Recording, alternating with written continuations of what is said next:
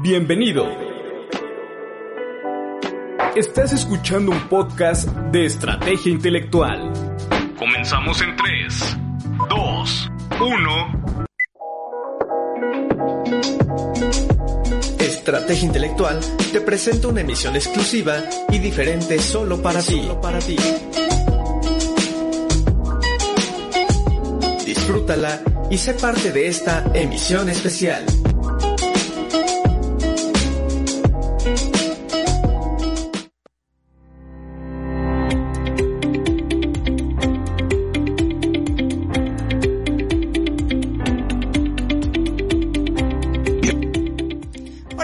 Buenos días. Los saluda la contadora Jessica Estrada, eh, integrante de Estrategia Intelectual.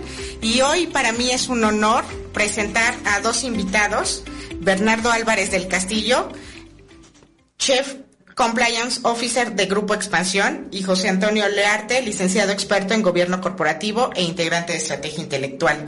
Hoy tenemos un conversatorio llamado La integridad también es negocio y de la Secretaría de la Función Pública tendremos un enlace por ser eh, estrategia del Gobierno Federal para combatir la corrupción empresarial a través de la integridad.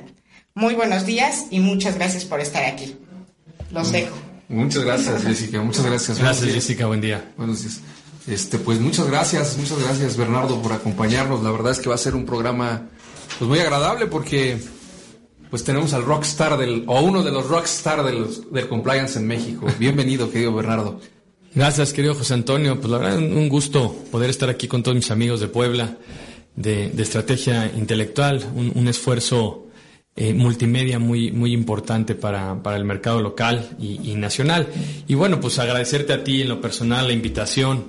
Eh, para mí, en los últimos meses y años, hablar de integridad, pues, eh, pues es hablar de lo que vivo día a día en, en, Grupo Expansión, ¿no? Cómo hemos tenido la capacidad, a partir de la creación de, de nuevas leyes, a partir de todo el enramado legal que hoy existe en nuestro México, en donde ya las empresas eh, pueden ser y son eh, penalmente responsables eh, de su actuar, ¿no? de su proceder, no nada más de sus colaboradores, sino de también los miembros de la alta dirección. Entonces, pues ha, despertado todo este auge del compliance, ¿no?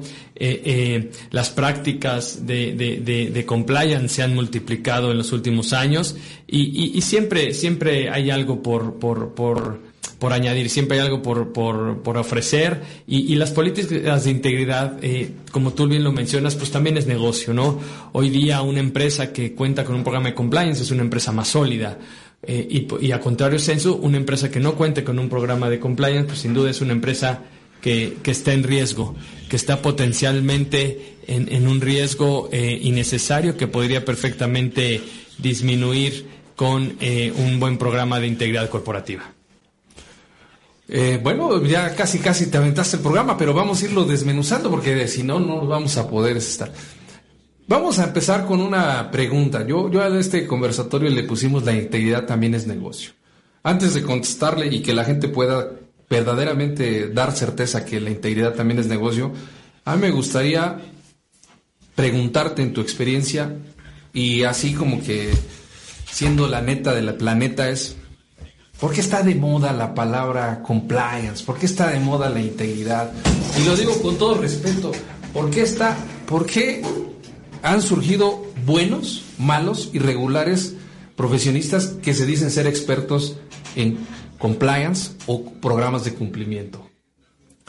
Pues mira, como, como, como lo hemos venido comentando en, los últimos tiempos, pues la palabra compliance es una palabra que relativamente se empezó a escuchar en las empresas mexicanas hace poco. Eh, la, la, los orígenes de, de, compliance, como tú y yo bien sabemos, pues se remontan a, al derecho comparado. Tenemos que remontarnos a países como Estados Unidos, Canadá, donde allá por finales de los 70s, eh, los 80 sobre todo, de los 90s, ¿no? En estos más de 25 años, los escándalos empresariales, ¿no? Los fraudes, esos, esos famosos bonos ocultos de las empresas, la sobreregulación en los mercados financieros, en los mercados farmacéuticos, conllevó a tener que eh, encontrar a una persona idónea para hacerse cargo de, de, lo que es cumplimiento. ¿Qué es, es compliance? Pues eso no hay una definición al unísono. Eh, o, o, hay muchas al respecto, pero al final compliance es cumplir, cumplir con la, con la ley, ¿no? Y entonces en México hemos llevado este concepto de compliance al cumplimiento normativo interno y externo. Es decir, si solamente fuera el cumplimiento externo, pues bastaría un buen grupo de abogados que, que, que tuvieran la capacidad de, cumplir by the book todas las obligaciones a las que una empresa está sujeta, dependiendo el giro y dependiendo su sector, pero de pronto también eh, viene, viene, viene de la mano el tema de la ética eh, interna, el tema de la integridad, el tema de la ética empresarial, y es decir, qué tanto cumples y qué tanto estás dispuesto, dispuesto a cumplir con tus propias normas internas. Ahí surge entonces una figura de, que le llaman oficial de cumplimiento, que te repito, surge allá en, Alemania, ¿no? en, en la Europa eh, en donde estas grandes empresas eh, necesitaron eh, darle a una darle cara y rostro a esa persona eh, y en México se pone de moda, bueno, pues por, por justamente eh, no nada más la creación del Sistema Nacional Anticorrupción hace unos años, sino la expedición de la Ley General de Responsabilidades Administrativas, en particular este artículo 25 que todos conocemos, en donde nos habla de, de los programas eh, o políticas de integridad, ¿no? Estos programas de compliance, ¿no? Que apenas hace pues algunos años eh, eh, no eran eh, necesarios, es decir, las empresas de capital 100% mexicanas no traían este tema en la cultura, salvo muy pocas excepciones, y entonces surge esta necesidad de aperturar áreas de compliance, ¿no? como una medida de, mitigación de riesgos, porque compliance no es otra cosa más que tener todo un sistema de gestión de riesgos, riesgos de, la propia empresa, de dónde se desenvuelve y de los negocios que, que hace en el día a día. Es decir, tú estás diciendo y tu experiencia te demuestra que si no hubiera habido esas modificaciones hacia el sistema nacional anticorrupción, si no hubiera eh, modificaciones hacia sancionar a las empresas penalmente, seguiríamos como estábamos antes. O sea, eh, nos están obligando a que seamos íntegros, no por convicción, sino por obligación. Yo creo que sí, al final creo que todavía estamos en un tema en donde primero es la obligación antes que traerlo de manera cultural. Por ejemplo, las las empresas transnacionales, eh, son empresas que de pronto eh, ya venían muy preparadas para, para entender todo el programa de compliance, porque claro, en, Europa, en los Estados Unidos, ya son prácticas comunes de muchas empresas. Es decir, y en México, y en México eh, empezamos a entender apenas hasta hace poco, hasta que tenemos una norma de frente, ¿no? Hasta que viene todo este esfuerzo del, del sector empresarial, este esfuerzo por autorregularse, ¿no? Que ese no es otra cosa más que, eh, eh, es otra de las definiciones que me gustan del compliance, cómo nos eh, autorregulamos nosotros, en qué creemos, qué queremos, y, y, cuál va a ser el mensaje, cuál es esa misión, esa visión. Pero sin duda creo que si no hubiéramos tenido este enramado legal tan, tan perfectible siempre, eh, porque también creo que es una sobreregulación importante, eh, todavía nos quedaría. Pero, pero creo que vamos por buen camino. Estamos en esta etapa de empezar ya a caminar. Em, ojalá empecemos a trotar y, a correr en los próximos años, porque como tú lo dices y como se llama este conversatorio, pues la integridad, claro que es negocio. A las empresas que son íntegras, a las empresas que tienen buenas prácticas corporativas, a las empresas que tienen un buen gobierno corporativo, las están volteando a ver más que aquellas que no lo tienen. Pero, pero fíjate que en ese sentido a mí me, a mí me llama mucho la atención porque el público que nosotros tenemos aquí en Puebla, el público que tenemos este, en estrategia intelectual, pues es 100% abogados, 100% contadores, 100% gente que se, está, que se encarga del cumplimiento de una u otra manera, a la parte fiscal, a la parte laboral, a la parte legal. Y, de repente empiezan a escuchar, a nosotros nos llaman, nos han preguntado, oye, este, ¿qué es eso del compliance laboral? ¿Qué es eso del compliance penal? ¿Qué es eso del compliance este, normativo? ¿Y, qué es eso del compliance? Y, luego la, palabra aquí, mi pregunta sería, querido Bernardo, es, ¿es correcto decir compliance en lugar de decir cumplimiento? O sea, si queremos fomentar una cultura, ¿es correcto? Sí, por supuesto. La, la palabra compliance, como te decía hace unos minutos, la entendemos como, como comply, como cumplir, ¿no? Una empresa tiene que contar con estas políticas y medidas de cumplimiento, porque es lo correcto. Pero del dicho al hecho, ahora sí que valga la expresión coloquial, tenemos que entender en dónde está parado. Por eso esta también multicitada frase de, de, toda la academia en donde nos hablan del famoso tone at the top, es decir, el tono hasta arriba que deben de tener estas políticas de integridad, que debe de ser desde el presidente del Consejo de Administración, de la Asamblea de Accionistas, que sea la alta dirección de la empresa la que verdaderamente mande la señal positiva de que vivir dentro del marco normativo, hacer negocios con integridad es lo correcto. Pero, pero fíjate que yo, yo a mí ya me empiezas a asustar.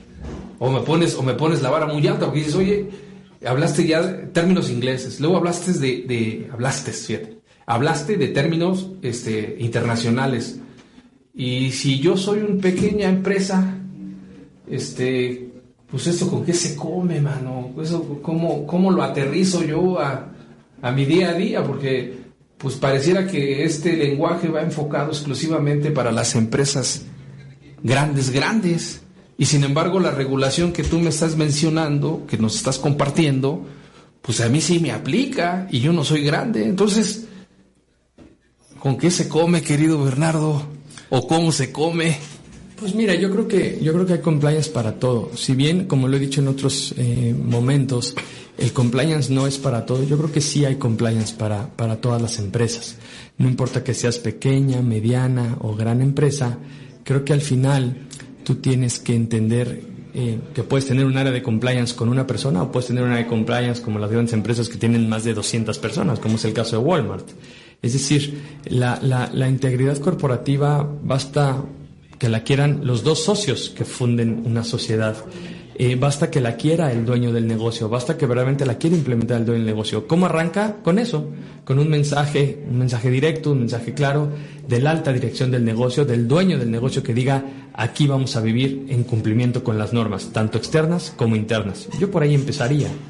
Es decir, no, no debo yo de asustarme, a ver si lo entendí, como pequeño y mediano empresario o mediana empresa, no debo de asustarme por regularme de una manera ética e íntegra, sino todo lo contrario. Entiendo que si me empiezo a cumplir con las reglas tendré una tranquilidad, una tranquilidad de no ser sancionado, pero también al mismo tiempo me ayudará mi negocio, porque yo como empresario pues me pongo a preguntar, sí está bien, pero este, ¿y por qué tendría yo que invertirle a eso?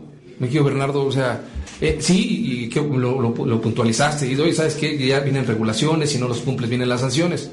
Ok, pero siempre ha habido sanciones, siempre ha habido regulaciones. ¿Qué hace la diferencia ahorita? ¿Por qué tendría yo que cumplirlo? Y, sobre todo como contador, como abogado, estoy aquí en estrategia intelectual, ¿por qué tendría yo que convencer a mi cliente de que lo haga? Y yo mismo, ¿por qué tendría yo que convencerme? Bueno, al final, al final porque yo, yo te respondería porque es lo correcto al final del día porque es, es estar en, por un lado en cumplimiento, en prevención y algo que te da un buen programa de compliance es eh, la certeza de poder mitigar los riesgos, es decir, poder tener el alcance de comprender el negocio, por eso un oficial de cumplimiento debe de conocer muy bien el negocio en el que está inmerso para poder estar sentado, sentado ahí en esa mesa donde se toman las decisiones, que se ha tomado en cuenta, porque al fin del día un programa de, de cumplimiento lo que hace es mitigar esos riesgos, es detectarlos, identificarlos y proponer medidas para la mitigación de los riesgos, riesgos con los que existen las empresas de toda la vida.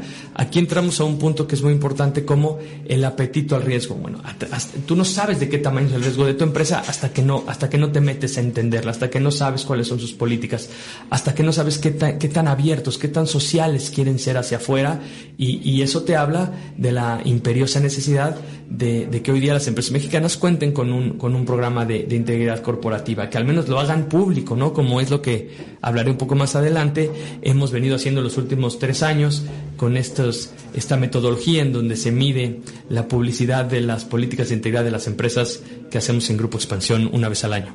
Oye, fíjate que ya empezaste, ya, ya empezaste a tener tus fans. Ya nos habló aquí nuestro amigo Fabián CE y dice, la confianza en un negocio en general genera certeza a la hora de hacer negocios para los accionistas e inversionistas.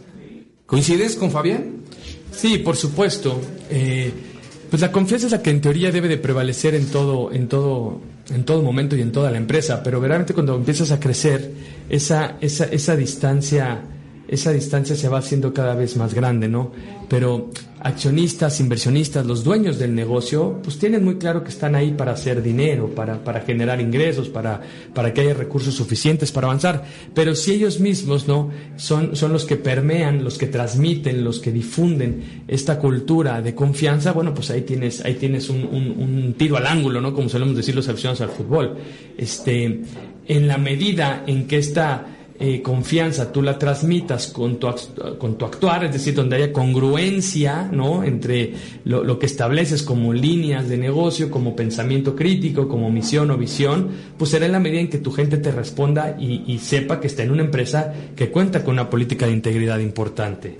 A ver, déjame entonces ir haciendo un resumen ahorita de lo que has dicho. Primero, está de moda porque se porque hay regulaciones más severas en el país y esas te obligan a prepararte a esas regulaciones, a cumplir con esas regulaciones, evitar las sanciones.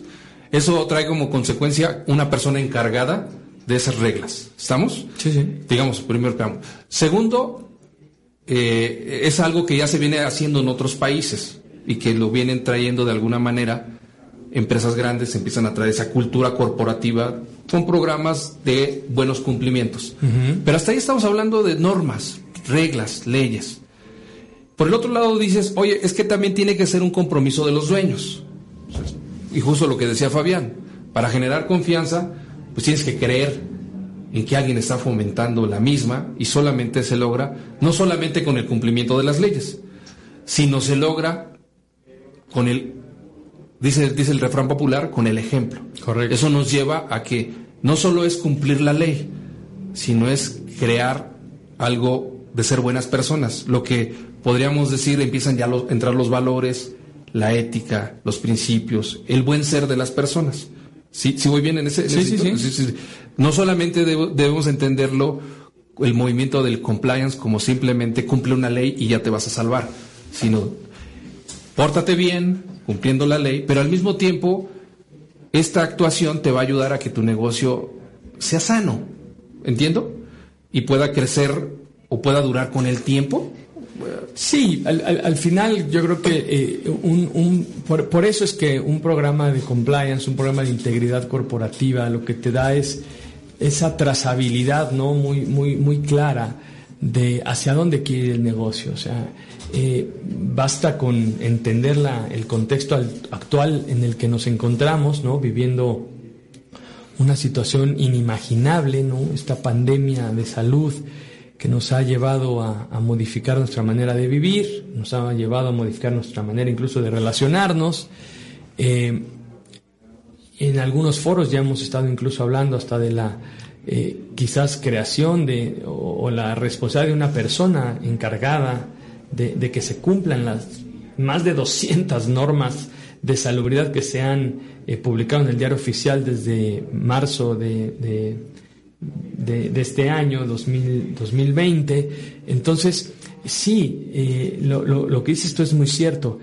Eh, un programa de integridad corporativa, ser íntegro en los negocios, por supuesto que tiene un valor agregado, por supuesto que tiene, que tiene que rendir sus frutos. No sé si hoy, no sé si mañana, pero lo que sí estoy cierto es que en algunos años eh, veremos en, algunas portadas a, empresarios recibiendo castigos, recibiendo sanciones, recibiendo multas, ¿no? Empresas que tengan que llegar al máximo de las sanciones, como lo establece la propia Ley General de Autoridades Administrativas, eh, multas de más de 113 millones de pesos por evento. Es decir, creo que vamos a llegar a un punto donde eh, esto se va a volver una realidad. Ya existe en, la norma, ¿no? ya existe la ley, ya existe el enramado legal falta por ahí algunas piezas de, concretarse, pero estoy cierto que el camino no tiene más que ir ahí y lo que yo creo es que está en el sector empresarial el, retomar esa batuta de, la integridad corporativa de las empresas, porque no se la podemos dejar al gobierno federal, estatal, municipal, me, es igual.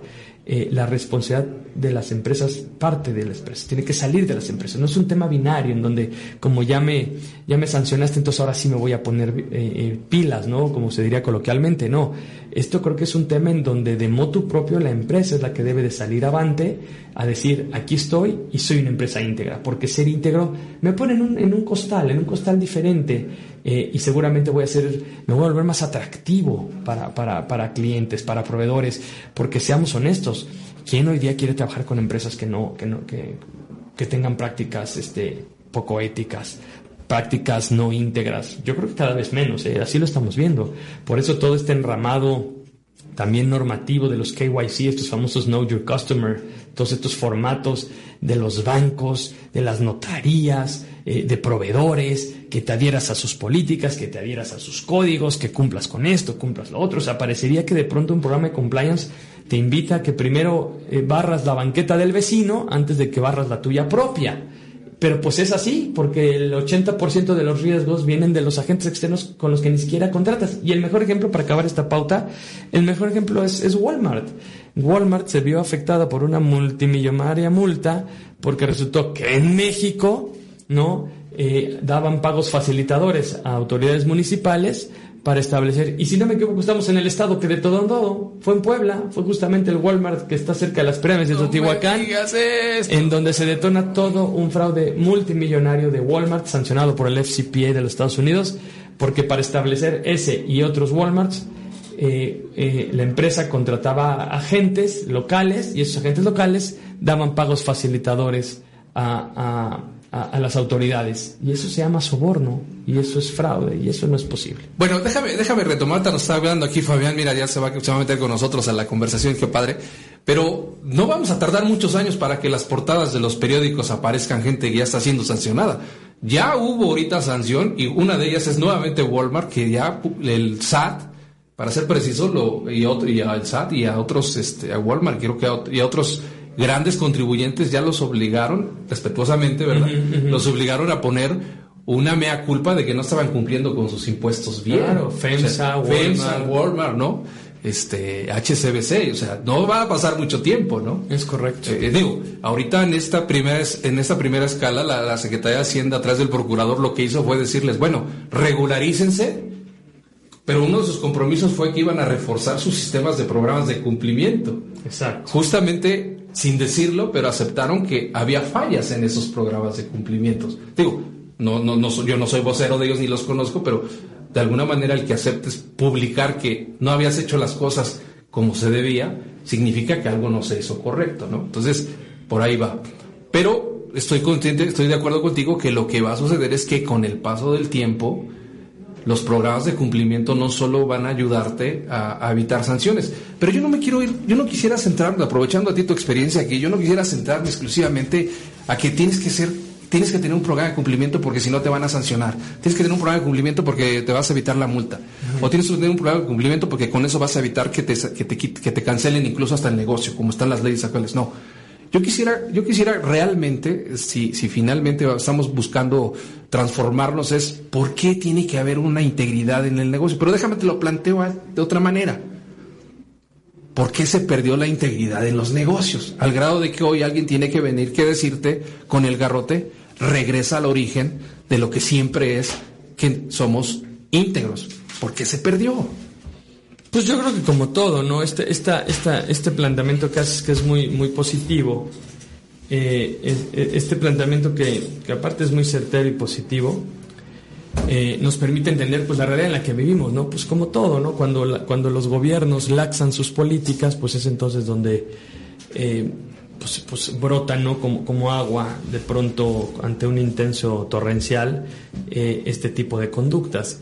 ¿Por qué se perdió? Pues supongo que por la ambición propia del negocio, por la ambición propia del laxo de las leyes, lo laxo del sistema judicial en México que, eh, cuyos actos eh, de corrupción eh, pues, quedan impunes cerca del 98%, ¿no? Hoy, hoy lo estamos viendo. Tenemos casos donde hay exfuncionarios públicos que la fiscalía no logra interactuar de tal manera y de integrar toda una carpeta y, y tienes a un exdirector de Petróleos Mexicanos, tienes a una secretaria de Desarrollo Social desde hace un año en la cárcel, o sea, tienes ya, eh, tienes a un exsecretario de Seguridad Pública en, la, recluido en los Estados Unidos y, parece que no pasa nada. Y lo mismo, este, y, pongo este ejemplo porque lo mismo pasa en las empresas. De pronto hay un pequeño fraude, ¿no? Hay un pequeño robo, se detecta alguna mala práctica y de repente no pasa nada. O sea, pues no hay bronca. Oye, pero ¿quién va a asumir la responsabilidad? No, no, ya no hay, no hay, problema, no hay problema. Y esto me lo han dicho de muchas empresas. Es que pues aquí sí eh, encontraron un caso de, fraude, pero pues no pasó a mayores, ni siquiera nos avisaron, la investigación se llevó muy en el oscurito, lo definieron y tal, tal. O sea, y, que, y, estos ejemplos pues te llevan justamente a que estas costumbres de pronto tú lo sabes se vuelven este, normas y leyes de, de pues de, no escritas. Pues exacto, de malas prácticas, ¿no? O sea, así dicho, estas normas no escritas que se vuelven eh, leyes más fuertes que incluso que las propias internas, pues tienen que terminar. Y, justo para eso te ayuda un poco un buen programa de cumplimiento, ¿no? Donde eh, eh, vas a ir, como bien dice Fabián, vas de la mano con, con, el buen gobierno corporativo del que tanto tú, tú nos has desarrollado, mi querido Pepe. Este, el, el vivir en, cumplimiento, vivir con el ejemplo, pues son de las cosas más complicadas que hay, porque significa que tienes que ser congruente, ¿no? Y te decía hace rato lo de, lo de la actual pandemia, porque bueno, pues a nivel mundial, ¿no?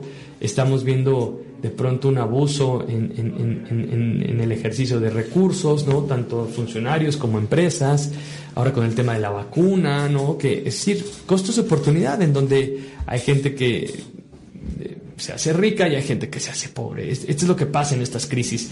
Pero compliance no es el compliance de la pandemia. Hay compliance antes y va a haber compliance después. Es decir, la obligación de cumplir normativamente con, lo que es correcto va a existir y deberá de seguir existiendo desde, desde siempre. Seas pequeña, seas grande empresa. Es decir, las políticas de integridad son una realidad para las empresas. Lo cierto es que creo que en algún momento la normatividad que nos rige tendrá que sufrir modificaciones, tendrá que enriquecerse, porque creo que nació muy laxa. Nació muy laxa porque escasamente nos señala siete rubros de los que de lo que una política de integridad debe de contener, ¿no? Y son cosas que regularmente eso sí ya tiene la gente. Un manual de operación, un código de ética, un sistema de denuncia, un sistema de, de difusión, un programa de capacitación. O sea, creo que esas cosas eh, las cumplen.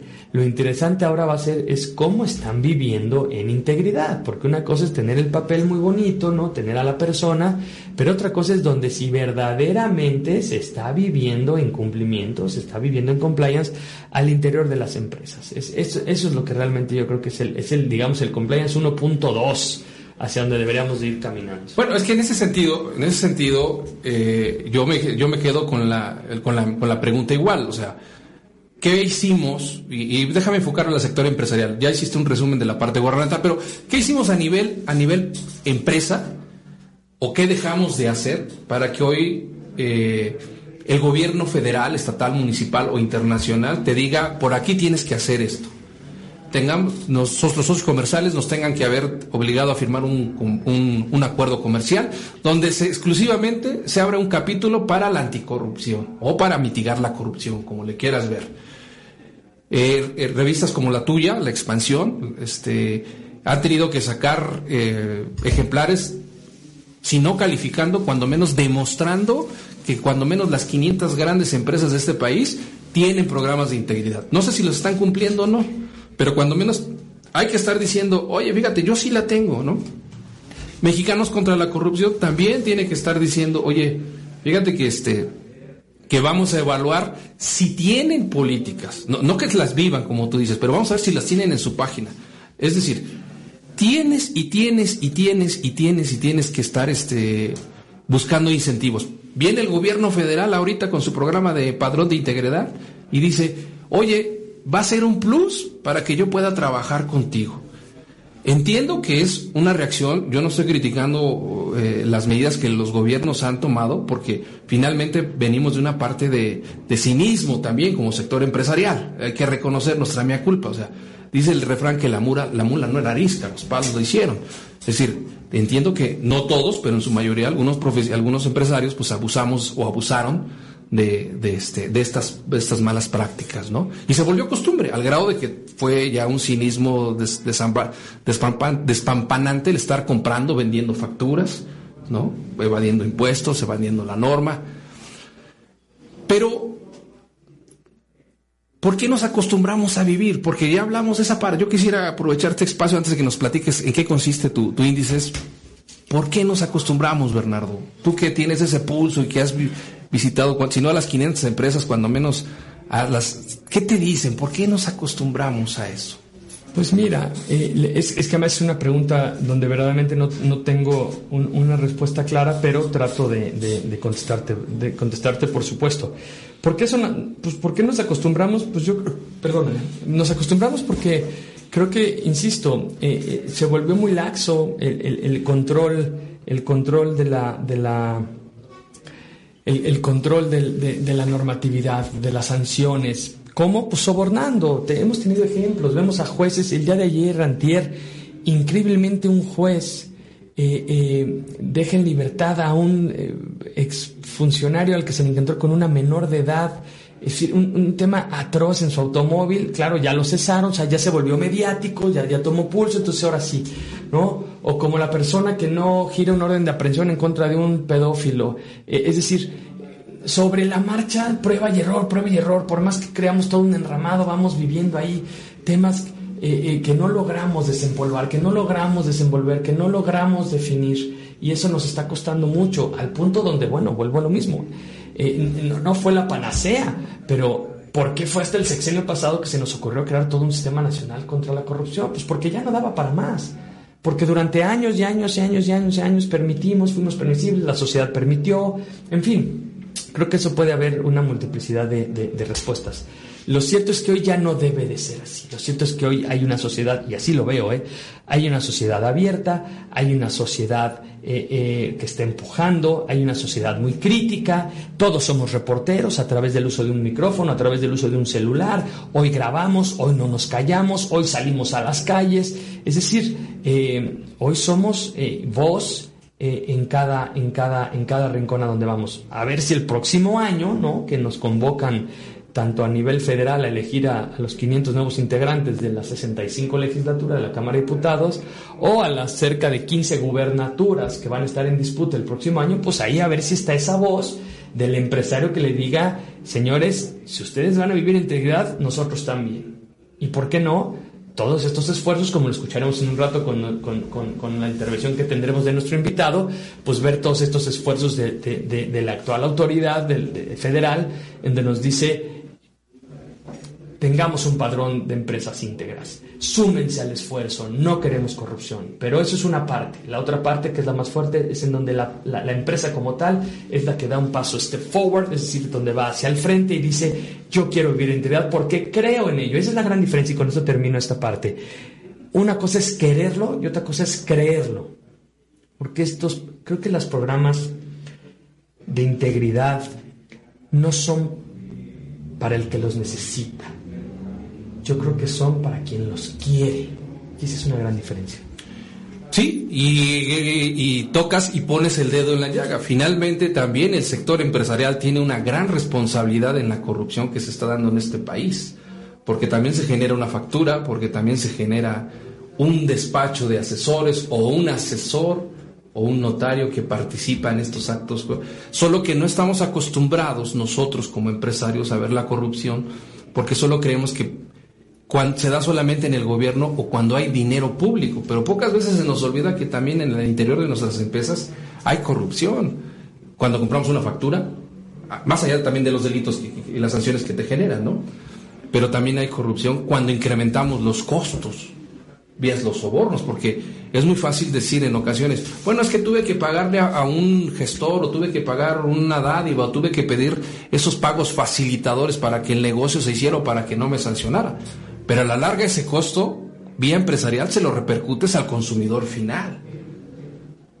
Esos costos, tú se los... Desde el señor, de la, del señor que hace que, te cobra el estacionamiento, desde el que, con eso se gana la vida. No estoy diciendo que esté mal, ¿eh? solo estoy diciendo todo lo que nosotros como empresarios terminamos pagando, lo repercutimos hacia el, hacia el cliente, hacia el consumidor, ¿no?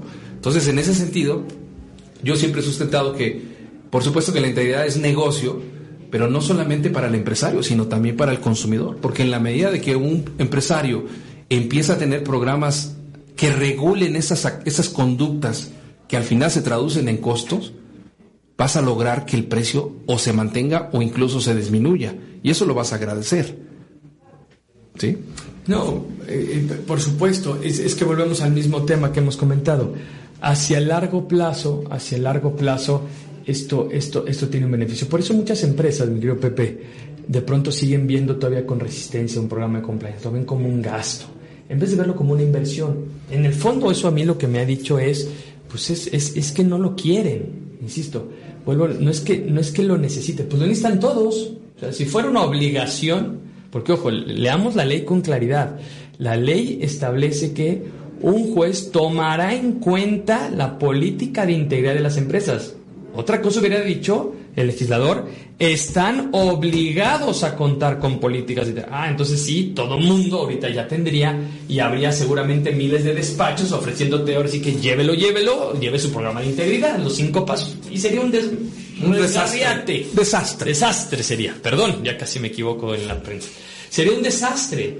Y aún así hay gente que dice, yo te hago tu compliance, pero porque no entienden qué es compliance. Entonces, yo creo que estamos en el gran momento de ir sentando esa raíz, de ir echando esa siembra que ya está empezando a dar frutos, ¿no? Pugnando por empresas que, que, que salgan a la palestra diciendo, yo soy íntegro, yo no soy corrupto, yo no doy sobornos, no tengo por qué hacerlo, porque tengo un producto, sea el que sea, sea el giro el que sea, que puede competir y que si pierde lo va a aceptar y no pasa nada. Pero prefiero perder un contrato a sobornar para obtener un contrato. El día que los empresarios al unísono piensen así, este país va a ser diferente. Bueno, mira, Fabián sigue siendo un gran, un gran este, admirador tuyo. Dice que aquí horas vas por el pan. No, no, todavía no. Otra pregunta buena y si te decimos eh, hasta en la panadería en la que va. Pero dice Fabián, ¿cuál sería la mejor acción o medida en caso de que algún socio sea implicado en asuntos de, de corrupción y cuál es la influencia, fíjate, muy importante, si su personal detecta que está haciendo actos de corrupción. No, pues por supuesto, la, mi querido Fabián, la primera respuesta es denunciarlo. Porque esa es la función de un oficial de cumplimiento. Pero también es la función de cualquier trabajador que se percate de una mala práctica al interior de la empresa. Hay que denunciarlo pensando, Fabián, que tu empresa o, el escenario que nos comentas tiene los mecanismos y tiene las herramientas para esa denuncia. Una línea ética, un sistema de denuncia, un WhatsApp, eh, eh, eh, una denuncia anónima, un buzón de quejas, a donde tú puedas ¿no? denunciar esto.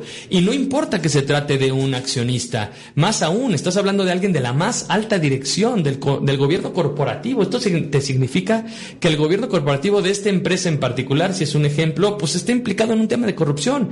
Eso lo tienes que informar de manera inmediata. Yo, como oficial de cumplimiento, si me percato de ello, inmediatamente lo reportaría al presidente del Consejo de Administración. Le diría, cuidado, aquí tenemos un accionista que tiene estas prácticas. Y la influencia en la empresa, bueno, pues ahí es donde justamente brota ¿no? la verdadera cultura de integridad, la, verdadera integridad corporativa del negocio, en donde primero está lo correcto ¿no? de la mano del negocio. Y, es que es un binomio muy, muy natural, ¿eh? muy natural. Empresa que es política, eh, eh, que cuenta con políticas de integridad, empresa que que si pudiera dormir como los seres humanos, dormiría tranquila. Es que es lo correcto además. Pero déjame ponerle ya el sazón, porque eso suena muy bien en un mundo ideal, pero en el mundo real, yo también puedo correr el riesgo. A ver, déjame ponerme no a Fabián, yo José Antonio, para no poner a Fabián. Detecté que mi jefe está haciendo una práctica de corrupción, compra-venta de facturas, para irlo más directo. Sí, sí. Para irlo que de ejemplo muy claro si lo denuncio, o hay dos cosas.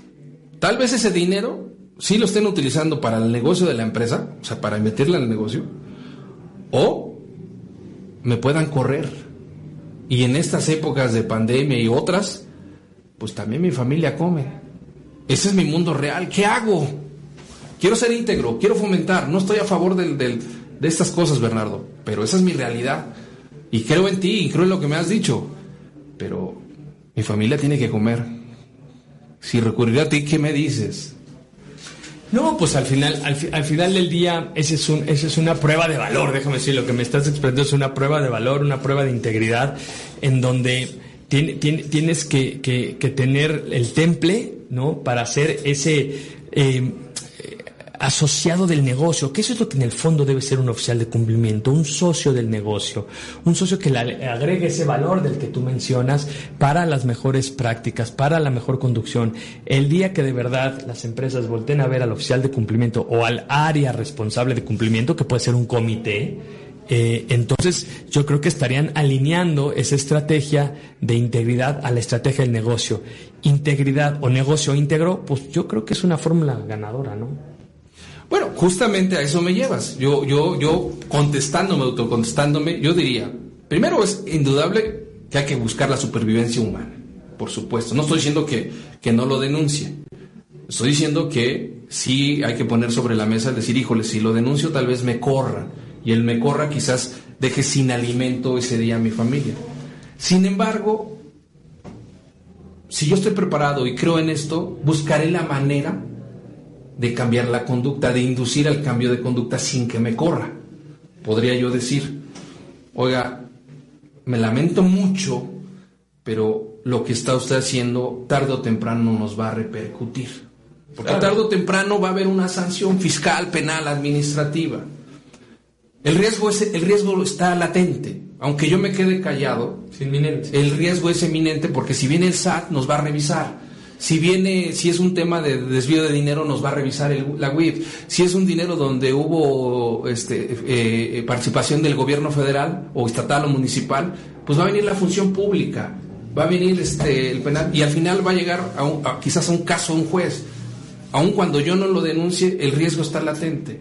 Como supervivencia lo entiendo, pero preparado podría yo, precisamente es donde cuando tú conoces el negocio, cuando tú conoces la labor de los cumplimientos, cuando tú conoces la integridad o quieres vivirla, automáticamente estás preparado para decir, vayámonos por este camino. Es decir, vayamos enderezando el camino. Tampoco se trata de ser pragmático de es, es y tiene que ser, ¿no? O sea, es vayamos haciendo lo posible dentro de lo posible, pero siempre con las vidas a mejorar. Porque aun cuando yo no lo denunciara, como el caso que estamos poniendo aquí, motivado por Fabián, pues de todas formas la conducta va a seguir en la empresa conmigo o sin mí. Es correcto. Aunque yo me fuera a encontrar otro lugar. Y de todas formas, siendo yo una persona íntegra, pues voy a vivir frustrado. Tampoco voy a dar lo mejor de mí. Entonces, por donde le querramos ver al final de cuenta, el camino, el camino a ser íntegro no es fácil, va a estar empedrado pero es donde tendrás que sacar el talento. ¿Estamos de acuerdo? Sí, y, tocas un tema muy importante, Pepe, que es, y, yo lo he comentado en otros foros, la, función de un área de compliance, la función de un oficial de cumplimiento, yo la puedo resumir en tres, tres, tres grandes rubros. La primera es identificar, la segunda es prevenir y la tercera y más importante, reportar. Es que es así, en esta trilogía de palabras es en donde yo detecto lo que, eh, detecto lo que, lo que hay, ¿no? Implemento toda una política para prevenir esos riesgos, ¿no? Que ya detecté, ¿no? Y al final estoy obligado a reportar porque en España y ahorita hay un gran debate sobre, sobre ello. En España, en julio pasado, se presentó un proyecto de estatuto del oficial de cumplimiento que me resultó muy interesante leerlo porque insisto, aunque no es ley, es este esfuerzo ¿no? de las asociaciones de compliance en España que están diciendo, oye, tenemos que empezar a delimitar las funciones y las responsabilidades del oficial de cumplimiento, porque entonces si no, el, el, oficial de cumplimiento se va a convertir en un representante legal de la empresa. ¿Y a quién se lo achacas todo? Pues al representante legal, ¿no? Y ahí es donde hay que tener cuidado en tener esa doble cachucha. Por ejemplo, una cachucha que yo tengo en expansión. Soy el representante legal, pero también soy el oficial de cumplimiento. Y ha costado, y ha costado, y ha costado que podamos desligar, escindir esas funciones, porque sin duda el oficial de cumplimiento debe de contar con un mandato, ¿no? Así como los legisladores eh, tú que eres experto en derecho parlamentario, Pepe, y lo vives en el día a día en, la Cámara Alta, eh, los legisladores son mandatarios de nosotros, nosotros les otorgamos ese mandato representativo cuando votamos por ellos en las urnas. De igual manera, creo yo, haciendo esta analogía, el oficial de cumplimiento debe de tener ese mandato estratégico, en donde sepa perfectamente cuáles son sus facultades y obligaciones, y no más porque de pronto parece que el oficial de cumplimiento es el, es el que va a salvar a la compañía y no hay nada más falso. El oficial de cumplimiento es el salvavidas, el oficial de cumplimiento es el que les va a hacer ver en dónde están los riesgos, alzará sus banderas de color amarillo, de color rojo, de color verde y podrá decir, cuidado con este riesgo. Pero el apetito al riesgo no es del, del oficial de cumplimiento. La responsabilidad de todo lo que sucede no es del oficial de cumplimiento. Yo lo he comentado para que vean a qué punto puede llegar de pronto. Yo recuerdo hace un par de años llegó un director a decirme, Bernardo, no hay papel de baño en la empresa. Haz algo. Y yo volteé y le dije, pues te presto mis Kleenex, porque esa no es la función del oficial de cumplimiento. Es decir, la gente cree que el oficial de cumplimiento es el, es el, Big Brother, ¿no? Esos ojos vigilantes, policíacos, que va a estar ahí viendo que no pasa nada. Si eso fuera cierto, mi querido Pepe, imagínate, pues ¿quién querría esa chamba? Yo no la querría. No, Por ello la importancia de que el oficial de cumplimiento tenga, o al menos empuje, a que en su designación o en su alta dirección verdaderamente delimite las funciones operativas y la responsabilidad. Porque, ojo, el oficial de cumplimiento, y con esto termino, Pepe, el oficial de cumplimiento es tan responsable como cualquier colaborador de la empresa. Sin embargo, y contestando a Fabián eh, su amable pregunta, el oficial de cumplimiento tendría una doble responsabilidad si no denuncia los actos que le son denunciados o de los que él se percata. Justamente eso vamos a hablar, pero déjame nada más terminar con esto. Qué bueno que, digo, estamos escuchando de ti que eres el, Chief Compliance Officer. ¿Lo dije bien? Sí, sí. sí, sí de Grupo Expansión, Expansion Group. Entonces, este, lo dices muy bien porque estás hablando de tu experiencia, pero hay compañeros, hay amigos muy queridos que, contrario a lo que tú dices, ellos se creen los salvadores de la empresa. O sea, al ser oficiales de cumplimiento, ellos se asumen como los salvavidas. Y entonces ahí tenemos un pequeño problema. Tú lo estás viviendo, y lo digo con esto ya, eso es un comentario mío, porque vives al día al día del compliance. Es decir, estás hablando lo que sí, porque sí lo eres. Estás viviendo las, las virtudes, las bondades, las desventajas. Dice, dice, la, dice el pueblo sabio y bueno que este, no es lo mismo ser borracho que cantinero, ¿no? Entonces, obviamente, este, algunos que nos creemos los salvavidas de las empresas porque somos el oficial de cumplimiento o porque aspiramos, no sabemos en las broncas en las que nos metemos, en las que nos vamos a meter y en las y en las sanciones que vamos a tener. Ahorita hablaremos, pero déjame ya para hacer un poco aquí irnos ya que estamos encargados, platícanos de el índice del índice corporativo 500. ¿Es correcto? ¿Lo dije bien? Sí, el ICE 500. Pues mira, esto es un esfuerzo que con el favor de Dios en un par de meses cumplirá su cuarta edición.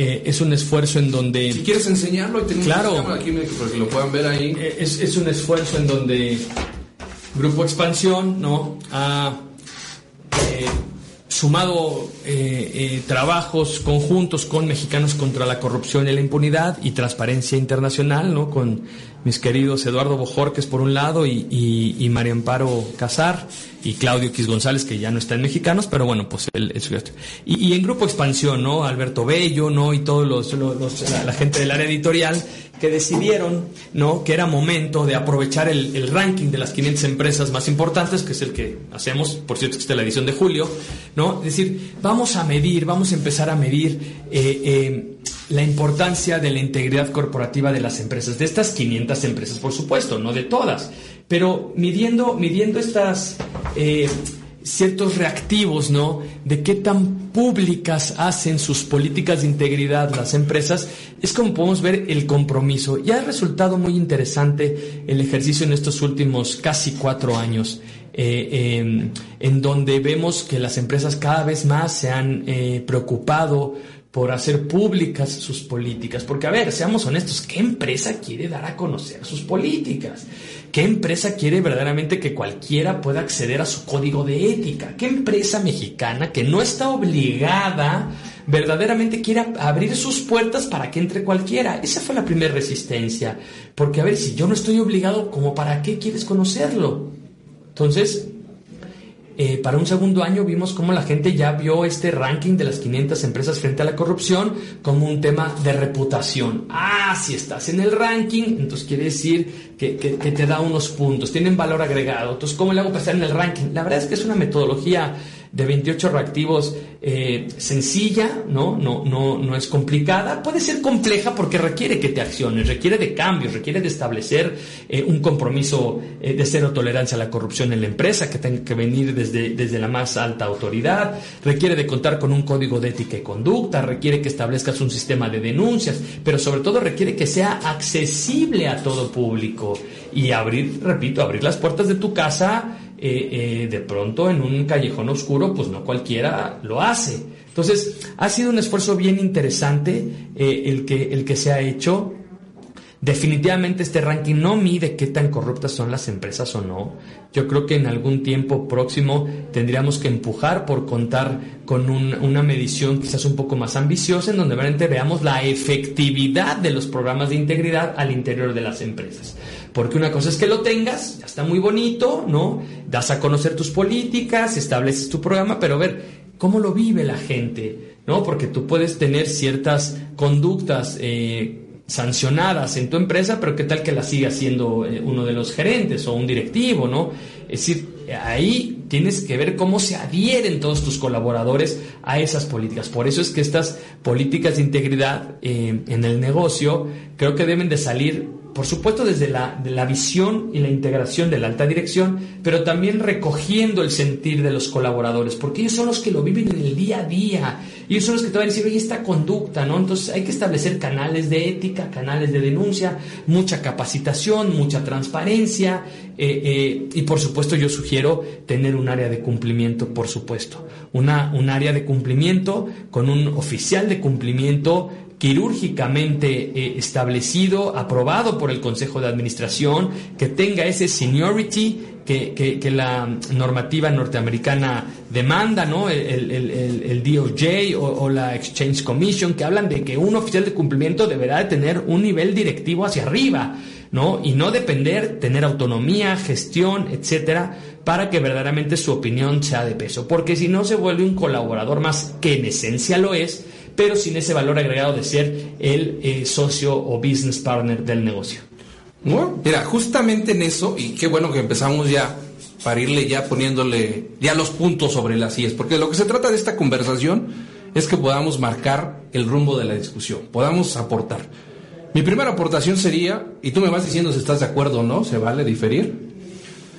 Mi primera aportación es que los programas de cumplimiento no son más que una forma de los lineamientos de las buenas prácticas de gobernanza empresarial. Es decir, forman parte de la estrategia del negocio, pero no es el negocio en sí el oficial de cumplimiento, por lo que nos acabas de decir. Eso debe quedar muy claro, porque hoy por hoy, hoy en este momento, pareciera que como la palabra está de moda, como, la, como el oficial está de moda, pareciera que es el que va a dirigir. Y no, es el que puede incluso entorpecer el negocio, porque forma parte de una de las 60 líneas estratégicas de gobierno corporativo, de buenas prácticas. No solamente es eso. Dos, gobierno, este, compliance no es lo mismo que control interno. No. Eso yo quisiera que nos ayudaras porque nuestro público aquí es, la mayoría es contadores y evidentemente se toma como que el compliance es algo así más importante que el control interno y desde mi óptica no lo es. Es un complemento. Van los dos sumamente ligados, pero control interno es analizar el negocio Compliance es protegerlo, cuidarlo y respaldarlo. Correcto. Vamos, vamos en ese inter. Lo, dices muy bien. Y el otro sentido es, si no está el compromiso de los dueños, y cuando digo dueños me refiero desde el más humilde, pequeño, grande empresario, de decirlo, lo meto a mi estrategia de negocio, o sea, forma parte, así como vas a decir, quiero ser la gran empresa en esto, quiero ser esto, y para eso voy a comprar maquinaria y para eso voy a comprar instalaciones, también debe decir, y para eso le voy a meter lana a programas de integridad, de buenas prácticas de gobernanza empresarial. ¿Por qué? Porque tampoco se va a dar de la noche a la mañana. Crear cultura tarda meses, días, años. Y al principio son dolorosos. Entonces, claro. el compromiso del, del, empresario es eso. No vas a generar un cambio si nada más se queda en la narrativa a niveles gerentes, tú y yo. O sea, tiene que existir el dueño porque es el que es el que arrasa, lo que dice Fabián. Si el dueño lo ven haciendo tranza, no vas a poder mencionar que esa empresa avance. Digamos, eso es lo que también mi práctica me ha, me ha dicho, ¿no? Sí, y, mira, eh, por ejemplo, revelar la corrupción o las malas prácticas en una empresa eh, no es suficiente, o sea, es necesario que expliquemos y señalemos, ¿no? Cuáles son las carencias del entorno. Es que ese es el ejercicio más cara a cara que a mí se me ocurre eh, eh, acordándome de, los maestros griegos, ¿no? En ese ejercicio de democracia directa en donde se hablaban frente a frente para la toma de decisiones. Aquí es un poco lo mismo, pues a ningún empresario le va a gustar que le digan dónde está, de dónde, ahora sí que de qué pie cogea, dónde le duele. Te va a decir, ok, resuélvemelo, ¿ok? Ayúdame a resolverlo. Y entonces, no basta de pronto con, con, solo tener esas buenas intenciones, ¿no? Eh, los valores por sí mismos, las creencias por sí mismos no resuelven los problemas es necesario, es necesario que se establezcan políticas, eh, mecanismos de, transparencia, de rendición de cuentas y que sean medibles. Porque cosa que, no es medible, pues cosa que no, que no va a funcionar. Si tú crees que ya creaste una política y ahí se va a quedar por los 10 años, te aseguro que en 6 meses esa política dejó de funcionar. Y 10 años después te vas a dar cuenta que tu juego de ética se quedó, pero en el abismo. Y eso nos pasó cuando, cuando se adquirió Grupo Expansión, con unos códigos de arcaicos que dijimos, no, no, no, no, no, esto hay que replantearlo, es decir, no basta con generar el documento, es como la ley, no basta que la hagas, hay que vivirla. Y por eso, digo, hablemos de nuestra máxima ley, que tú también conoces muy bien, que me refiero a la Constitución, pues eh, desde 1917 ha tenido cerca de 740 reformas, es decir, Igualmente las políticas que tienes que medir tienes que cambiarlas, tienes que adecuarlas, se tienen que, que, adaptar a esta nueva manera de vivir, de vivir en integridad. Y de tu primera parte de la intervención, eh, control interno es una parte muy importante, pero control interno ¿qué va a medir? Los controles que tú vas a sugerir y los controles que la empresa va a imponer para mitigar esos riesgos. O sea, previo al trabajo de control interno está ese análisis de riesgo que vas a hacer para detectar en dónde está la falla. Y le vas a pedir a control interno, monitorealo. De la mano que yo le agregaría a tu binomio, lo convertiría en un trinomio con auditoría interna. Yo creo que control interno, auditoría interna y compliance hacen un triángulo padrísimo, respetuoso, autónomo cada uno, pero trabajando en conjunto como el compliance tiene que trabajar con recursos humanos cuando hay un tema que tiene que ver con ellos, como tiene que pedirle al área legal el apoyo de la empresa cuando detecta un delito, como tiene que pedirle al área de finanzas recursos para sufragar los gastos. ¿Sí me explico? No, perfecto. Pero en el, en el, caso, en el caso de control interno y de auditoría, creo que son eh, mancuernas para que un oficial de cumplimiento que no puede ser todólogo, sí pueda recargarse en, a ver, ¿Qué detectaste? Te pongo un ejemplo. Si llega una denuncia a, tu sistema de denuncias de tu empresa en donde, oye, creo que el señor Juanito se anda robando una lana de la bodega. Compliance, resuélvelo. Pero. ¿por qué? Déjame analizar el caso. Tengo una política y tengo un lineamiento para eh, eh, la investigación y el análisis de las denuncias, que lo tengo que seguir al pie de la letra y en algún momento yo digo, es que esto no es un tema de compliance, esto creo que más bien hay que rebotarlo con un área de auditoría. Oye, auditoría, ayúdame por favor a hacer una auditoría de tu lado con tus mecanismos al área de don Juanito. Y el resultado de esa auditoría, entonces sí me la pasas a mí a compliance y me dices, que ¿qué crees? don Juanito se estaba robando unos pesos de cada, no sé, de cada revista que se vendía al mes entonces sí, entonces ya se acciona el mecanismo derivado de una denuncia que primero fue anónima, pero después ya viene fortalecida por el área de auditoría y entonces ya la puedes subir a tu comité y decir, señores, número uno, Juanito cometió un delito. Número dos, ¿quién era el responsable? Porque a mí algo, que, algo con lo que de veras no puedo es cuando dicen, nadie es responsable. Porque a ver, mi querido Pepe, tú lo sabes, cuando nadie es responsable, todos somos responsables. Así de sencillo. Y mucha gente de pronto, eh, eh, mira, hablando del caso de Odebrecht, el propio, eh, ex, para no hablar ni decir nombres, el propio exdirector de Pemex dice, es que yo seguí las instrucciones de mi jefe. Y los jefes, pues ya sabemos quiénes son, y no dicen nada, pues porque no tienen que decir nada. El que, el que pronunció el dicho está obligado a probarlo. Aquí es un poco lo mismo, es decir, el, un, programa de compliance te puede abrir un frente para recibir denuncias de todo tipo. Recuerdo el, director reclamándome por el papel de baño. No, señor, este, yo le presto ahorita mi cliente para que solvente usted su necesidad, pero es un tema en donde sí volteo y le digo, oye, recursos humanos, he recibido quejas de que no hay papel de baño en los baños. Eso sí, entonces va y ya no hay congruencia, ¿no? Con la política de, y los valores de la empresa. ¿Qué vas a hacer al respecto? Y mi hermano dice, ah, pues, ¿qué crees? Es que no le había pagado al proveedor. Ah, entonces tengo que decirle al de finanzas y finanzas, ¿por qué no le pagaste al proveedor? Ah, es que no llegó. O sea, y se vuelve una cadena que por eso es la cadena que tiene que trazar un oficial de cumplimiento en una investigación para poder entender algo tan sencillo, Pepe, de, oye, no hay papel de baño en la empresa. A ver, eso no es un tema de compliance. Pero de pronto ven a la figura de compliance como aquel que les puede resolver la vida y ojo, no es así. Pero sí es un tema, como bien lo apuntas, de control interno, porque alguien no está haciendo las mediciones y también es un tema de análisis de riesgo. Solo que para, para complementar tu, tu comentario, eh, eh, recientemente en el 2018 el Código de Principios y Mejores Prácticas de Gobierno Corporativo se modificó al grado de que sugiere que toda empresa, toda empresa pequeña, grande, mediana, tenga cuatro áreas de responsabilidad. Una que es la auditoría, otra que es las finanzas, otra que es la evaluación de los directivos y la cuarta que es riesgos, evaluación de riesgos y cumplimiento. Es decir, lo que acabas de decir forma parte, por eso yo insisto siempre, tú conoces que mi tema es gobernanza empresarial, siempre he dicho, si tienes un buen gobierno corporativo, por supuesto que vas a tener un programa de integridad sólido. No así, si nada más tienes un programa de integridad, no necesariamente significa que tienes unas buenas prácticas de gobernanza empresarial y al no tener buenas prácticas de gobernanza empresarial no vas a tener el compromiso de los dueños. Eso te lo puedo garantizar, mi experiencia me lo dicta. Es al revés.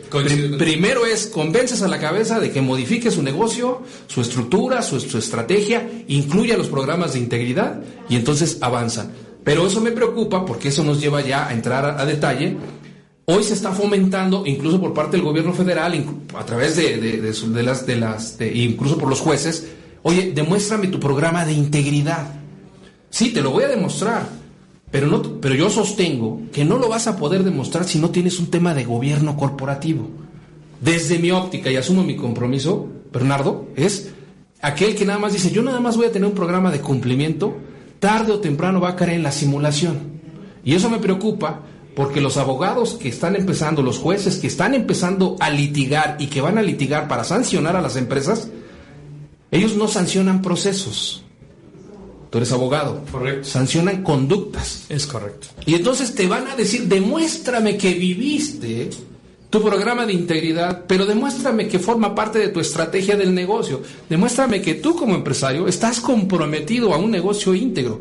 Porque si solo me demuestras, esa es mi teoría, que tienes un programa, una política de integridad, no es suficiente. No es suficiente porque no me estás demostrando, al contrario, me dices que estás simulando. No estoy desdeñando los esfuerzos de empezar con una política de integridad, que quede bien claro. Me parece que es un excelente inicio. Incluso esto me lleva al comentario del artículo 25 de la Ley General de Responsabilidades Administrativas. Me parece un excelente inicio en un país donde apenas estamos avanzando la cultura de integridad. Pero me preocupa el riesgo que podemos tener que digas, ya tengo mi programa de integridad, ya no voy a tener sanción fiscal, ya no voy a tener sanción penal, ya voy a poder contratar con el gobierno, o sea, ya, ya la logré. No, yo creo que está, está, mal planteado esta idea. ¿no? Pues yo, yo, digo, tiene que haber gobierno corporativo porque claro, claro, tú pides el compromiso del empresario solamente es a través de la alta dirección cuando lo metes en su estrategia de negocio y cuando le mete billete. Si no le mete billete, desde mi experiencia profesional, y lo digo como especialistas en gobierno corporativo, en seis meses me estarán corriendo.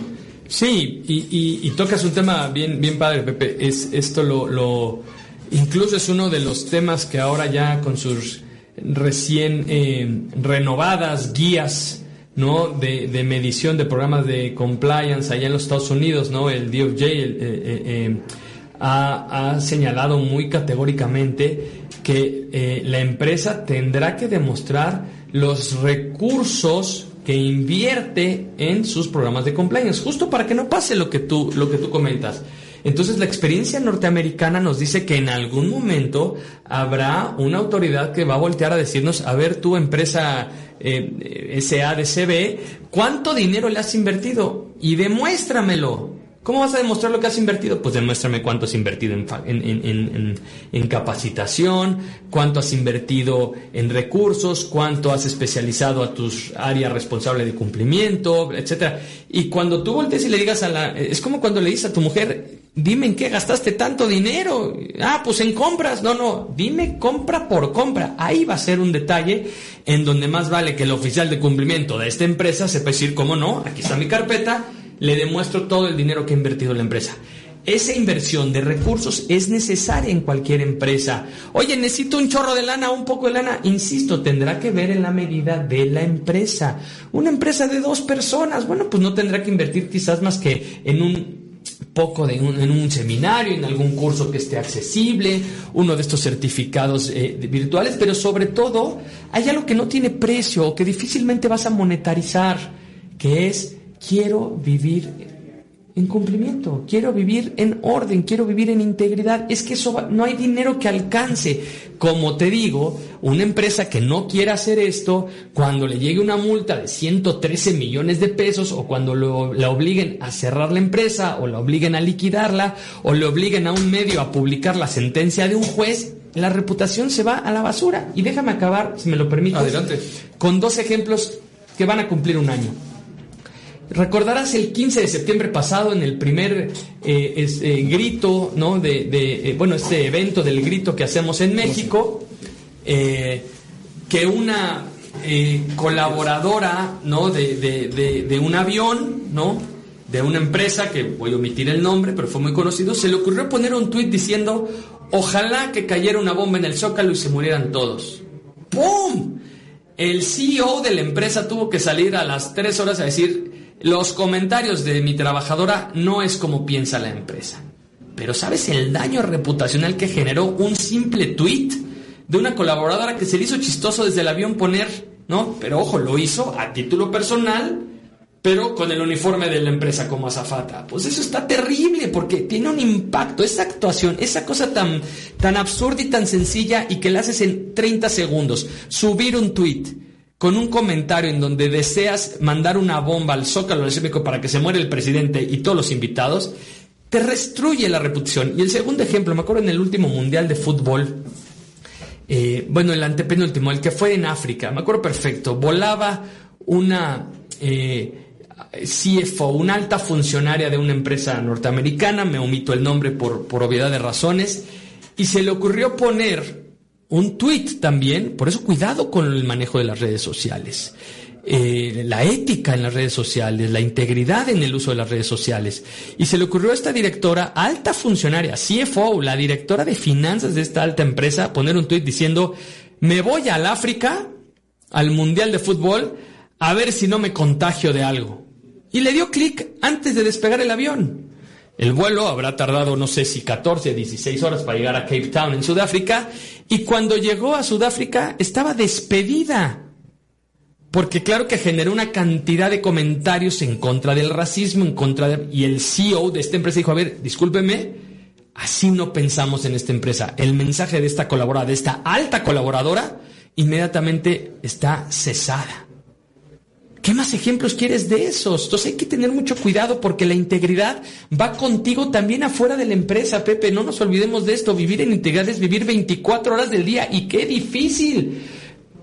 Porque qué difícil es portarse bien 24 horas al día. Yo no, lo, yo no soy ejemplo de eso. Yo me equivoco, lo reconozco. A veces me paso eh, la luz amarilla. A veces, eh, ¿sí me explico? Pero hay de detalles a detalles.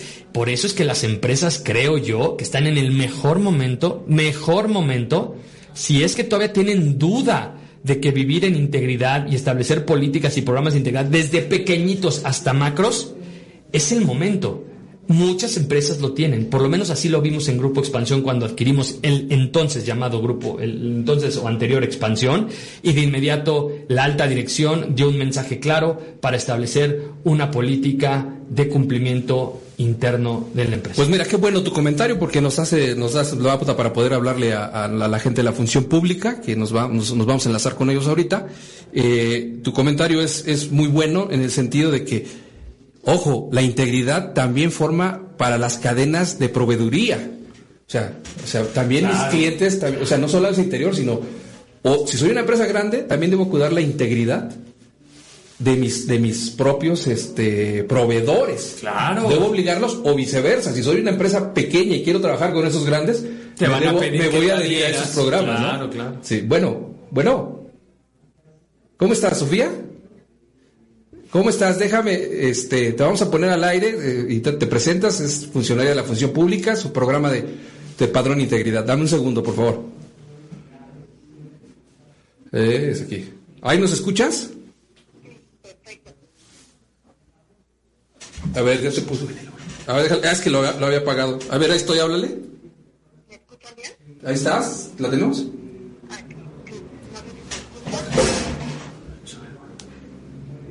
Es que tengo un problema ahí.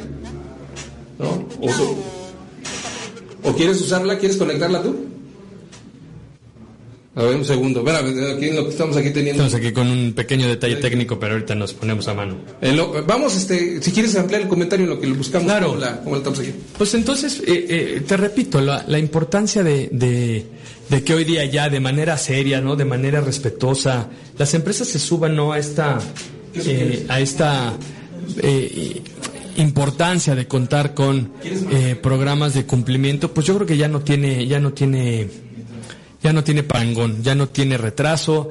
Eh, el tiempo es ahora y, creo que es el gran momento de aprovechar las circunstancias, el momento en donde el sector empresarial, en donde el sector de la sociedad se, se, se impulse, alce la mano y diga, aquí estoy, soy una empresa íntegra, porque tenemos que acabar con ese, con ese, eh, eh, eh, eh, exacto, mira, Jonathan nos recuerda muy bien, gracias. En efecto, ¿no? Fue un tuit ahí de, de voy al África a ver si no me contagio de una enfermedad y, y, y, su carrera destruida. Exacto, Jonathan, te agradezco mucho que nos recuerdes. Justamente, ¿no?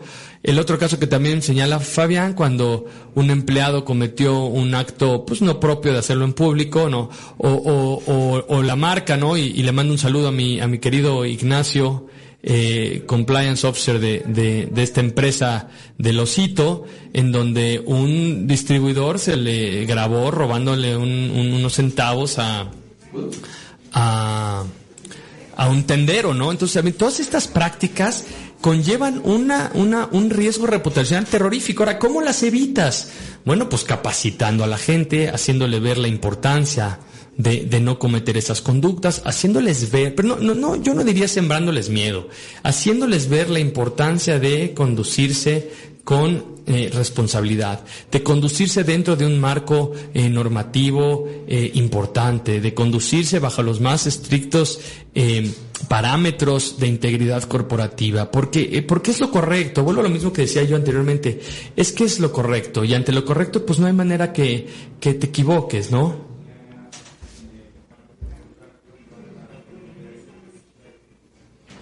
Aquí seguimos con, con, Pepe. Vamos ahorita. ¿Quién entra, Pepe, a cabina? Cuéntanos. Pues vamos a ver, estamos buscando ahorita, estamos, nos están hablando del padrón de integridad de la función pública. Justamente ahorita estamos tratando de hacer un enlace para que vean que ese es un programa en vivo, estar en vivo.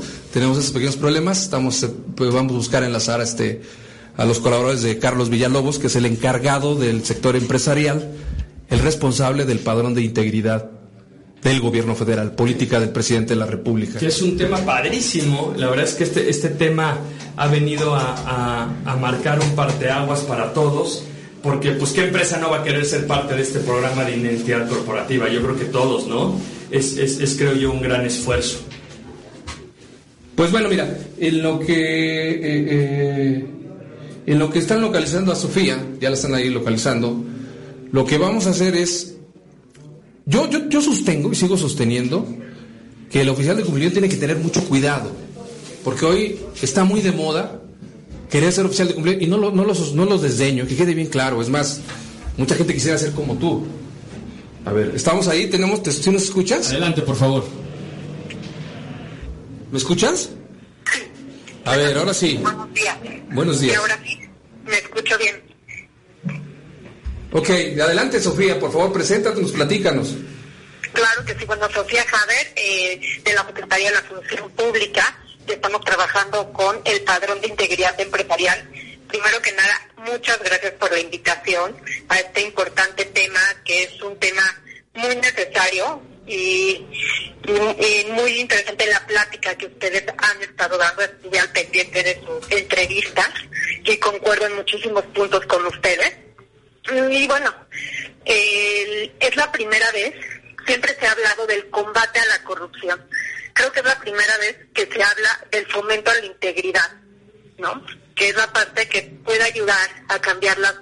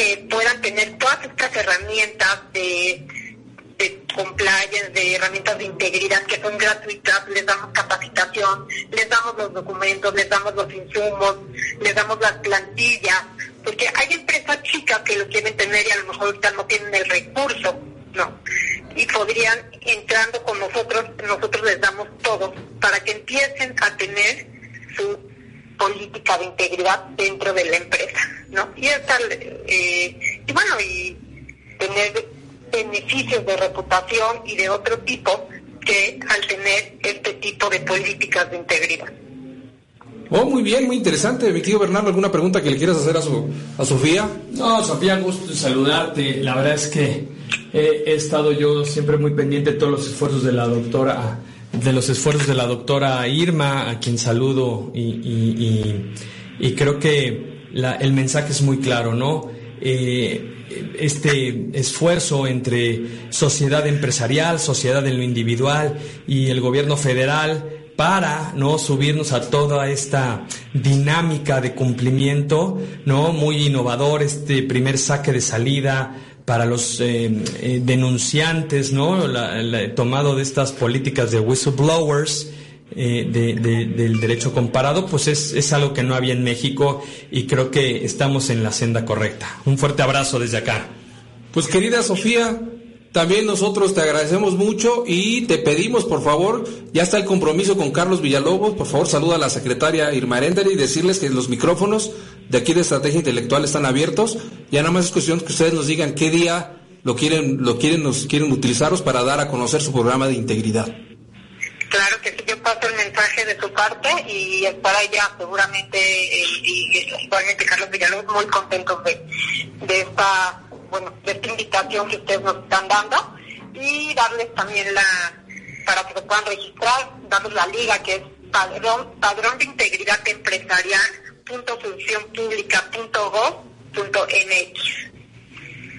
Bueno, pues ya te esperamos, ya es un compromiso que aquí los aquí los esperamos para que presenten aquí su, su programa y vamos a ver si está aquí este Bernardo nuevamente, y si no pues traeremos algún otro rockstar que los acompañe en la implementación y presentación de este programa. Para nosotros será un gran honor tenerlos aquí, querida Sofía. Muchísimas gracias, igualmente para nosotros. Y un abrazo por allá también. Gracias. Gracias. Buen día. Gracias. ¿Cómo ves, mi querido Bernardo? Pues, eres, eres un rockstar, fíjate. Es que, ¿Vieron ahí conversatorio? La integridad también es un negocio. ¿Vieron a Bernardo? ¿Sí? Y habló de la Secretaría de la Función Pública. Espero que antes bien en tus cuentas, cabrón, porque si no... Todo bien, todo bien, gracias a Dios. Te pueden aplicar la responsabilidad administrativa. Y no, no, no. Este... Ahí al final que eso es justo, para ir cerrando y recapitulando, eso es justo de lo que se trata. De vivir en integridad en cualquier posición en la que te puedas encontrar. Si tienes el apoyo de tu alta dirección es buenísimo, pero yo los invito como cierre y colofón de esto, creo que es el momento, lo he dicho en otros foros, creo que es el momento en donde el oficial de cumplimiento verdaderamente sea ya un, actor principal, sea ya eh, ese eh, socio del negocio y por supuesto esté sentado ya en la mesa de los adultos de las empresas. Eh, un fuerte abrazo. Creo que damos ahorita espacio para ver si hay preguntas o respuestas. Y, gracias, en lo particular, gracias, querido Pepe. Eh, eh, compartir micrófonos contigo, con un experto y un apasionado sobre todo de estos temas, alguien que vive en el día a día al interior de la Cámara Alta de, de nuestro Poder Legislativo, pues me remonta a mí aquellas épocas donde en el año 97, en la 57 legislatura también, todos los días iba con ese ahínco, con ese cariño, con esa emoción de ser parte de la historia. Y creo que hoy tú lo eres, Hoy yo lo soy, cada uno en lo que hacemos y con esta mancuerna que estamos formando, que, que, te reitero mi mano extendida, mi apoyo, para poder seguir eh, eh, expandiendo esta, esta visión de que la integridad también es negocio. Muchas gracias, Pepe, y gracias a todos los que nos acompañaron en esta transmisión. Bueno, antes de, antes de aprovechando unos minutos antes de cerrarlo, yo te lo agradezco. Vamos a, vamos a cerrar por qué, desde tu punto de vista y por qué desde mi punto de vista, la integridad es un negocio. Vamos a cerrarlo. Y yo quisiera invitar, por ejemplo, también a los oficiales de cumplimiento que ya están ahorita trabajando, aquellos que se van a formar y aquellos que, aspiran a hacerlo. Desde luego, yo estoy seguro que ahorita que te escucharon a ti, muchos de tus alumnos, muchos de la gente que por primera vez escuchó, va a querer ser oficial de cumplimiento. Eso me queda muy claro, porque además es una política de este, de este gobierno, lo está impulsando, ya está el programa de integridad empresarial pero también le quedan seis años, que cuatro años a este gobierno y trae muy esta narrativa. Entonces se va a poner de moda el compliance. Se va, a poner de moda, se va a poner de moda por la parte fiscal, por la parte penal, por la parte laboral, por la parte social, por el Tratado de Libre Comercio. Yo lo único que, que diría es, sí, qué bueno, bendito que se ponga de moda, pero hagámoslo bien. Hagamos desde el inicio. ¿Queremos el compromiso de las empresas, de los empresarios para la transformación? Entremos al gobierno corporativo para que entonces las políticas de integridad, las políticas de programas de cumplimiento vean, sean sólidas, trasciendan y no sea un programa más de uno o dos años, sino si, lo si logramos convencer al dueño de que lo forme parte de su estrategia de negocio, tenemos garantizado esa transformación porque tendremos dinero. Porque tampoco se puede hacer nada sin dinero, sin presupuesto. si no hay presupuesto, estaremos pasando un buen momento. Eso sería mi... Y segundo, yo quisiera decirles a los oficiales de cumplimiento que tengan mucho cuidado. Se va a poner de moda así, pero no saben también el riesgo en el que se van a poner. ¿Por qué? Porque esto va a terminar tarde o temprano ante, enfrente de un escritorio de un juez. Y al primero, al primero que le van a fincar responsabilidad, penal, y no soy abogado, ¿eh? tú me vas a corregir, pero al primero al que le van a decir, usted está simulando, al primero que diga, yo soy oficial de cumplimiento y se le demuestre que no cumplió, es el primero al que le, van a, le va a tocar la sanción. Sin duda. ¿Eh? Este... Y lo único que te puedo decir, mi querido este, Bernardo, es que siempre lo hemos, nos han dicho, es ¿por dónde empezamos? Las pequeñas empresas, por querer hacerlo. Ya tenemos ahorita el ejemplo de la función pública, tiene herramientas, tiene métodos para que no necesariamente tener grandes asesores para llevarte, puedes empezar con este programa de integridad y de ahí arrancaremos. Hay que perfeccionarlo, hay que mejorarlo, pero lo importante es arrancarse. Sí, yo, yo empezaré por ahí, por dar ese primer paso en donde eh, tú, eh, si estás interesado, tú, amiga, amigo que nos escuchas, si tú estás interesado en esta materia, eh, acércate, a mí me puedes encontrar ahí en LinkedIn con mi nombre, Bernardo Álvarez Castillo Vargas. Me encuentras en Twitter como B. Álvarez, en Instagram como Bernie Álvarez, en fin. Eh, aquí, aquí seguramente en Estrategia Intelectual te pueden dar todos mis datos, pero acompáñenme, acompáñenme en, este, en esta aventura intelectual como lo hace José Antonio, eh, como lo hacemos todos los que creemos en esto. El primer paso es simplemente querer. Una vez que quieras, entonces podrás empezar a dar el paso 2. El paso 2 es tener el compromiso de la alta dirección para que te digan, ok, esto cómo se come, esto cómo se mastica, esto por dónde arranca. Bueno, pues arranca con el compromiso.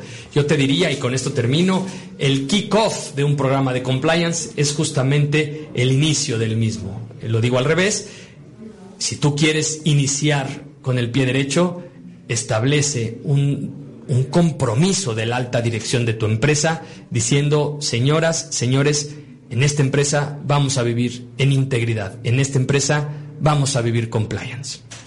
Fíjate que ahorita me recordaste a, nuestro amigo Fernando Certíes que dice, la ética se tiene, no se demuestra, el cumplimiento sí. Luego también tiene su, frase célebre que dice, el, el, programa de cumplimiento es caro. Sí, sí es caro. Claro. Pero sale más caro no cumplir. Por supuesto, eh, y, esa frase de mi querido Fer, a quien le mando un abrazo, eh, él seguramente la tomó de, muchas referencias norteamericanas cuando dicen en, inglés, you think compliance is expensive, try non-compliance. Es decir, el non-compliance va a salir carísimo. Créanme, carísimo. Vean los ejemplos en el mundo. Pregúntenle a Boeing, que pagó cerca de 3 mil millones por una mala práctica corporativa en siete países no hay dinero que alcance. En México no habrá empresa que pueda soportar un trancazo financiero de ese tamaño. déjame ahorita que me, deja robarte ahorita un minuto más, porque, porque me, acabas de, decir, hablamos de las grandes empresas, querido Bernardo, pero ahorita las que están en riesgo son las medianas y pequeñas, porque esos corporativos que has estado hablando y con los que tú te mueves, pues tienen despachos que los podrán defender. Yo quiero ver un pequeño, mediano empresario que tenga un problema con la autoridad, la que sea, esos los que van a pagar, a esos les va a salir más caro. Sí, claro, por supuesto, ellos eh, van a desaparecer. Van a desaparecer. Como, pues como, las empresas que no estaban listas para, para un riesgo como estos tamaños, lamentablemente tuvieron que cerrar.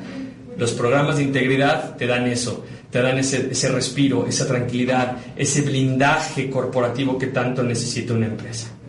Yo quisiera nada más terminar diciendo a nuestros amigos Ah, dice Bernardo siempre. Dice, mira, aquí está Bernardo.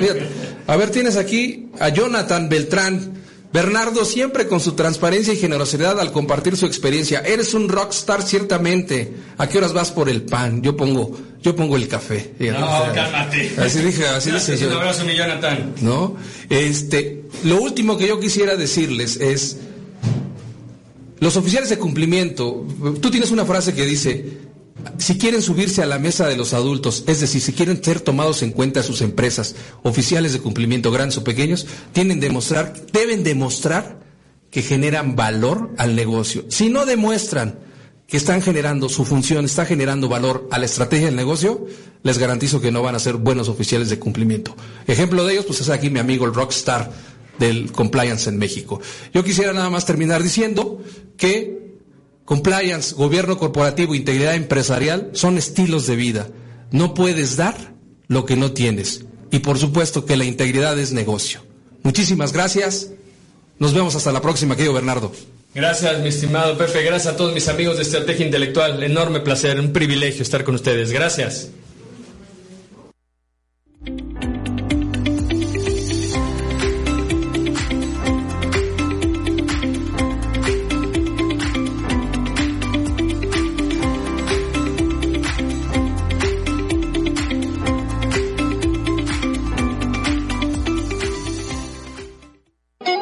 Programa especial ha terminado. Sintoniza www.estrategiaintelectual.com y no te pierdas programas como este y muchos más en Estrategia Intelectual. Somos la capacitadora. Terminamos. Gracias por escuchar este podcast. No te pierdas el siguiente. Estrategia Intelectual. Somos la capacitadora.